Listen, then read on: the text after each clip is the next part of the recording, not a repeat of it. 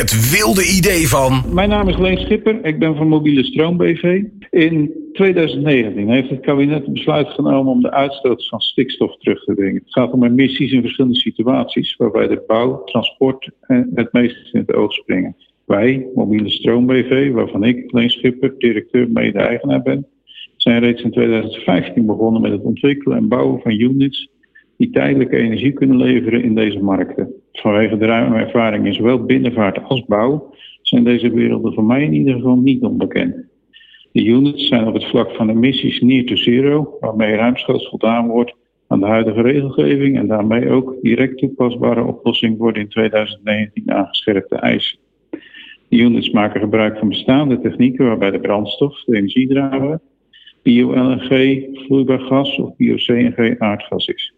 In de toekomst kunnen we ook brandstoffen als biomethanol, bioethanol, biokerosine of RDME toepassen. Met deze ruime mogelijkheden aan brandstoffen kunnen we op basis van klantvraag een optimale keuze maken als het gaat om efficiëntie en economie.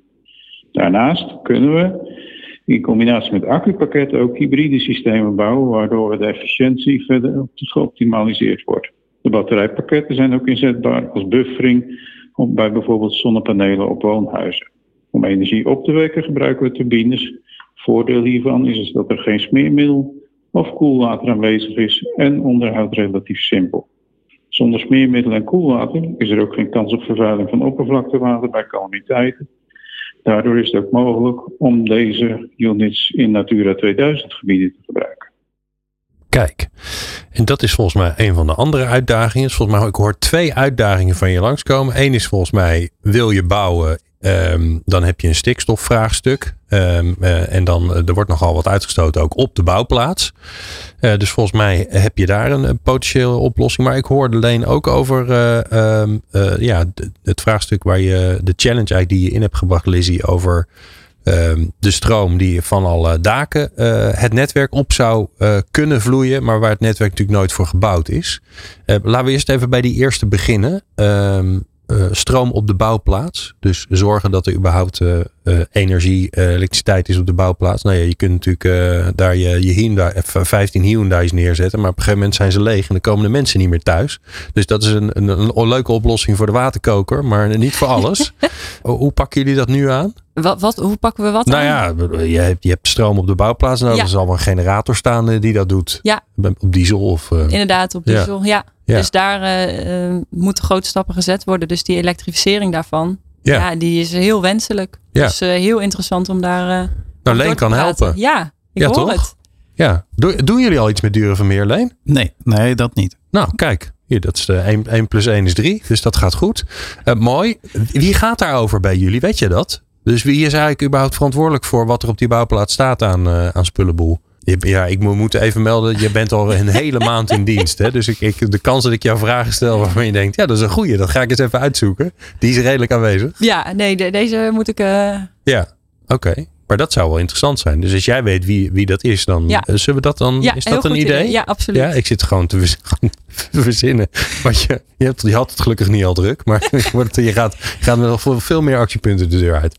Ja, want werkt dat normaal zo? Leen, want wie is jouw opdrachtgever voor, uh, voor die mobiele units, die mobiele stroomunits? Uh, normaal gesproken is dat dan de, de uitvoerder van een, van een bouwproject. Okay. Dus, dus je, je bent heel laagdrempelig, uh, kom je eigenlijk in zo'n organisatie.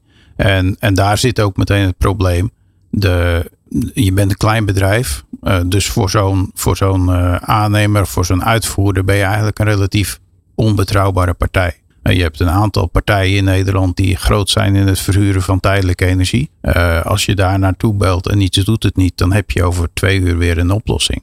Ja. En, en daar moet je in principe tegenaan concurreren. Want ja, dat is, dat is je, je evenknie. Dus, dus moet je aan de ene kant zeggen: kijk, je kunt bij mij CO2-neutraal, of zo goed als CO2-neutraal, uh, stroom krijgen.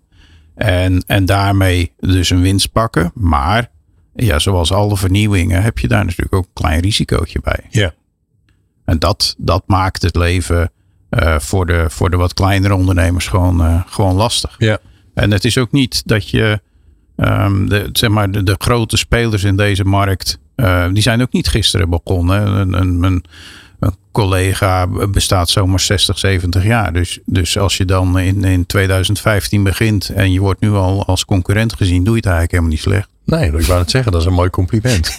Maar eh, zullen we, eh, zullen we dat afspreken? Ik ben nog van, nogal van de afspraken. Zullen we dat afspreken? Lizzie, jij gaat kijken of je een paar van die uitvoerders uh, bij elkaar kan, uh, ja, kan ronselen. En dan, uh, en dan komt Leen langs met zijn vlammende betoog en hoe het anders kan. Ja. En ik hoor, ik hoor elke keer weer CO2-neutraal, CO2-neutraal. Dus volgens mij hebben we de CO2-bankrekening van Dura Vermeer al een beetje naar beneden geholpen. Ja, ja, ja. Maar dat was maar één van de dingen. Want we hebben ook nog de, de, de lokale opslag eigenlijk. Hè? Dus een soort buurt, buurtbatterij. Ja, Kijk, ik heb gelijk een marketingterm voor je bedacht. Ja, ik, Gratis. Ik, ik, ga hem gebruiken. Ja, Zeker de, buurt, de buurtbatterij. de buurtbatterij. Nou ja, wat, wat er gebeurt, en dat zie je uh, uh, vanuit een van de andere takken van sport die ik graag doe, uh, naar voren komen, is dat het net, het Nederlandse net, is zwaar overbelast en was ook helemaal niet bedoeld voor dit soort toepassingen. Ja. Um, en dan krijg je dus een situatie waarin um, hele blokken woonhuizen gebouwd worden met, met schitterende zonnepanelen, waar niemand iets mee kan. nou, daar kunnen we ook een oplossing voor bieden. Ja. Een, inderdaad, een, een, in de vorm van een buurtbatterij.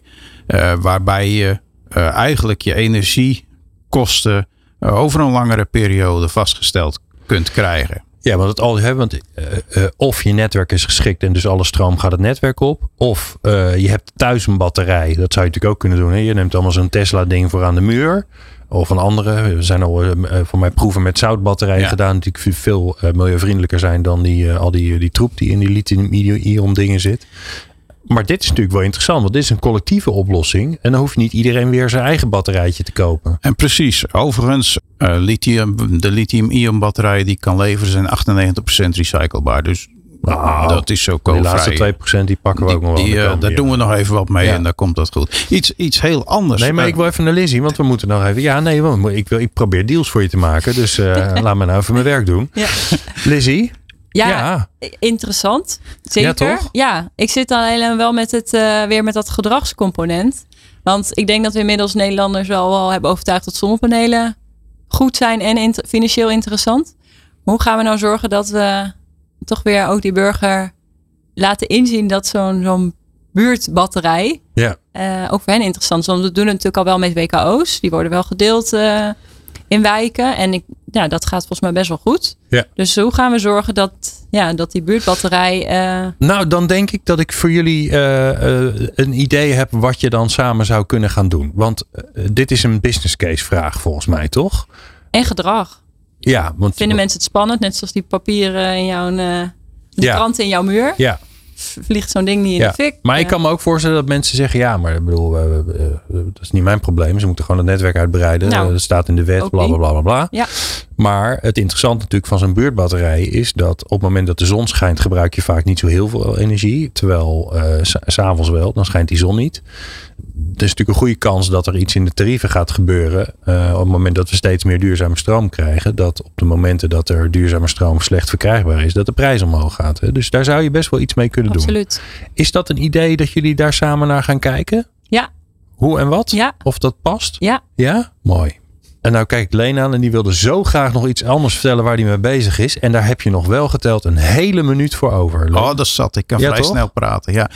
Um, jij noemde uh, wat modaliteiten om, uh, om spullen aan te voeren op bouwplaatsen en dat soort dingen. Um, wat me een beetje stak was dat je de binnenvaart totaal vergeet. Ja. En um, ja. ons, ons kikkerlandje, die postzegel op de aardkloot, is vergeven van waterstromen, water, uh, uh, watergebonden bedrijvigheid, dat soort dingen.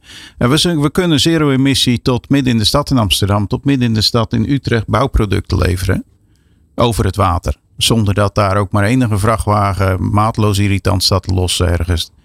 Ja, en dat past volgens mij meer in een binnenvaartschip, zou ik zeggen. Dat past Toch? veel meer in een binnenvaartschip. Ja. Maar met name de, de volledig zero-emissie mogelijkheid om in de, in de steden en op bouwplaatsen dus ook producten te vervoeren is wel een hele mooie aanvulling in jouw betoog. Ja, en dat zou er bijna voor pleiten om gewoon in elke wijk die je neerzet, om gewoon eerst even een diepe gul te graven. Dan is er gelijk wel het water, is goed voor de biodiversiteit. Precies. Toch? En, en de afkoeling van de wijk. Nou, kortom, wij komen er met elkaar wel uit. Ehm, volgens mij hebben we een heleboel afspraken gemaakt. Uh, ik hoop dat er iemand is die ze allemaal noteert. Of dat jullie dat zelf doen. Wij gaan jullie in ieder geval aan elkaar uh, koppelen. Om te zorgen dat we met z'n allen. Want daar uiteindelijk staan we er gewoon met z'n allen voor.